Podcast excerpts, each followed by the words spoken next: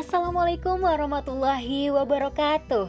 Halo everyone Perkenalkan, nama saya Irma Yuliana Jurusan Agroteknologi semester 6 Fakultas Sains dan Teknologi Universitas Islam Negeri Sunan Gunung Jati Bandung Yang bertempat tinggal di Jatinangor Namun memilih pulang kampung ke desa Cibugel Karena sebaik-baiknya lockdown adalah di rumah kampung sendiri. Oke, baik teman-teman. Ini pertama kalinya Irma membuat podcast dikarenakan tuntutan UTS salah satu mata kuliah praktikum budidaya tanaman hortikultura.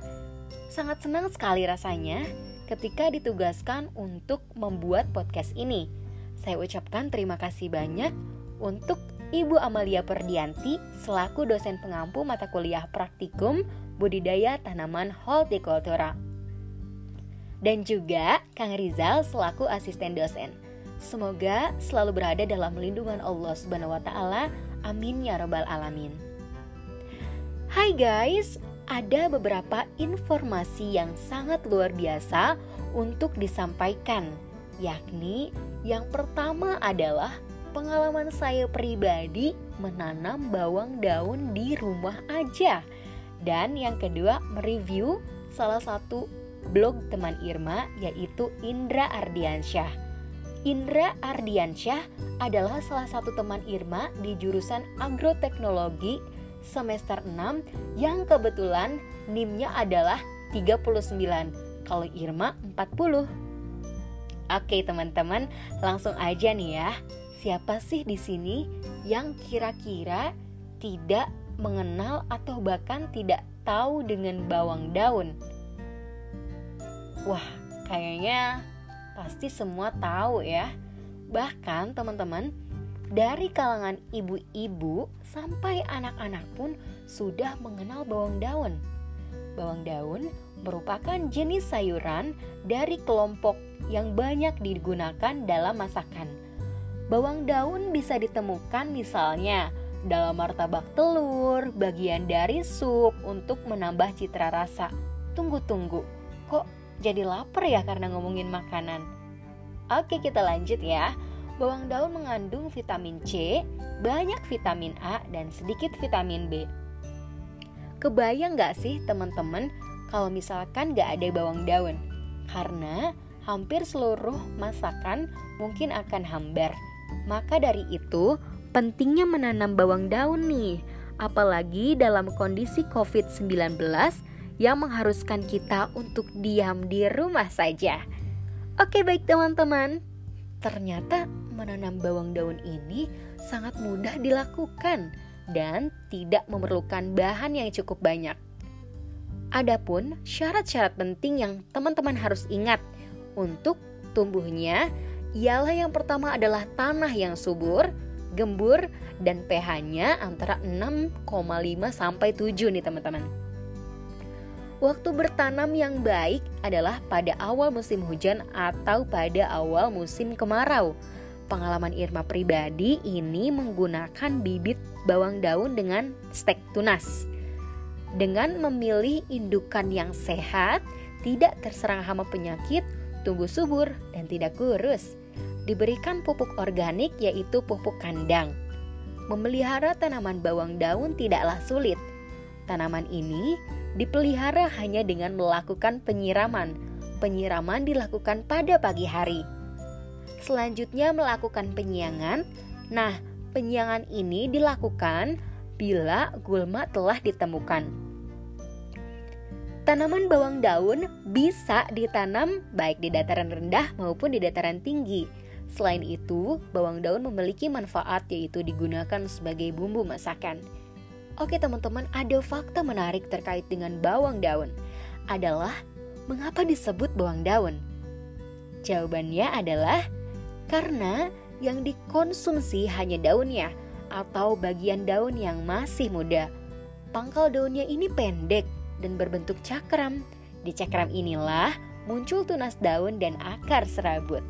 Baik teman-teman kita beralih ke review salah satu teman Irma yaitu Indra Ardiansyah Beliau menuliskan blog dengan berjudul budidaya tanaman chaisim dengan memanfaatkan lahan sempit.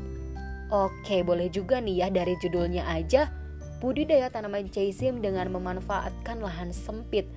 Karena beliau ini dari Bogor, jadi terciptalah judul yang sangat menarik, memanfaatkan lahan sempit. Oke, Indra ini membahas tentang pemeliharaan tanaman chaisim. Pemeliharaan tanaman chaisim meliputi penyiraman, Penyiraman dilakukan secara teratur yaitu dua hari sekali pada pagi dan juga sore hari. Penyiraman dilakukan untuk memenuhi kebutuhan air pada tanaman dan menjaga kelembaban. Selain itu, penyiraman berfungsi untuk melarutkan pupuk atau unsur hara yang terdapat pada tanah. Penyiraman ini merupakan kegiatan wajib dalam berbudidaya karena tanaman ini sama membutuhkan air untuk pertumbuhan dan perkembangannya. Bayangin aja teman-teman, jika mengalami kekeringan, maka tanaman berisiko layu bahkan mati. Selanjutnya, penyiangan. Penyiangan adalah kegiatan membersihkan gulma yang mengganggu pada tanaman utama. Gulma adalah tanaman atau tumbuhan yang kehadirannya sama sekali tidak diinginkan. Jika dibiarkan, gulma dapat mengganggu pertumbuhan tanaman utama, karena adanya persaingan dalam memperebutkan unsur hara pada tanah. Dan selanjutnya adalah pengendalian hama dan penyakit.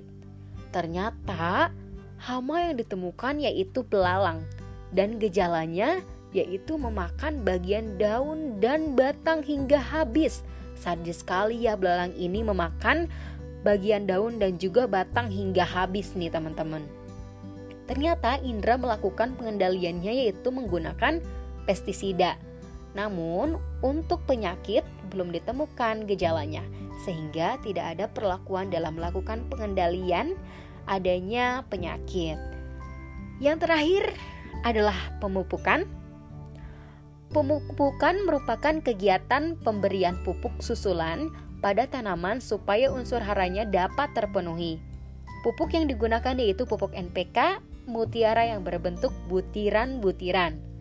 Nah, pemberian pupuk disarankan jangan langsung pada lubang tanah karena dapat membahayakan tanaman itu sendiri. Sehingga harus diberi jarak sekitar 5 sampai dengan 10 cm dari batang tanaman. Oke, teman-teman. Dapat disimpulkan bahwa budidaya tanaman bawang daun dapat dilakukan di rumah saja di samping alat dan bahannya tidak sulit ditemukan, juga memiliki banyak manfaat. Salah satunya bisa digunakan untuk kebutuhan dalam memasak.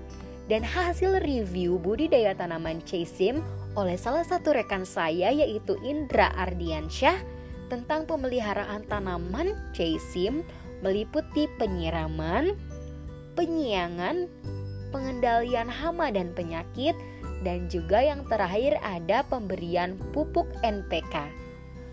Baik teman-teman, demikian informasi terkait dengan bawang daun dan juga tanaman cesim. Mudah-mudahan dapat bermanfaat untuk kita semua. Terima kasih sekali lagi saya ucapkan kepada Ibu Amalia Purdianti selaku dosen pengampu dan Kang Rizal selaku asisten dosen. Semoga kita semua selalu disehatkan, lakukan aktivitas yang positif, stay healthy, and stay at home.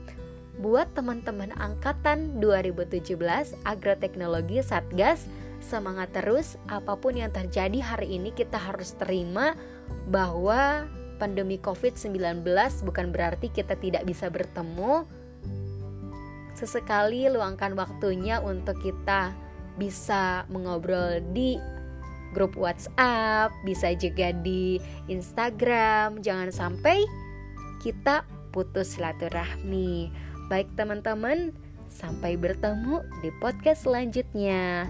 Saya Irma Yuliana. Terima kasih buat teman-teman yang udah mendengarkan podcast ini dari awal sampai akhir. Irma mau bilang wassalamualaikum warahmatullahi wabarakatuh. See you teman-teman. Semoga suka ya dan ditunggu podcast selanjutnya karena podcast selanjutnya akan lebih meriah lagi dan juga lebih menarik lagi. Bye bye. Jangan kangen ya.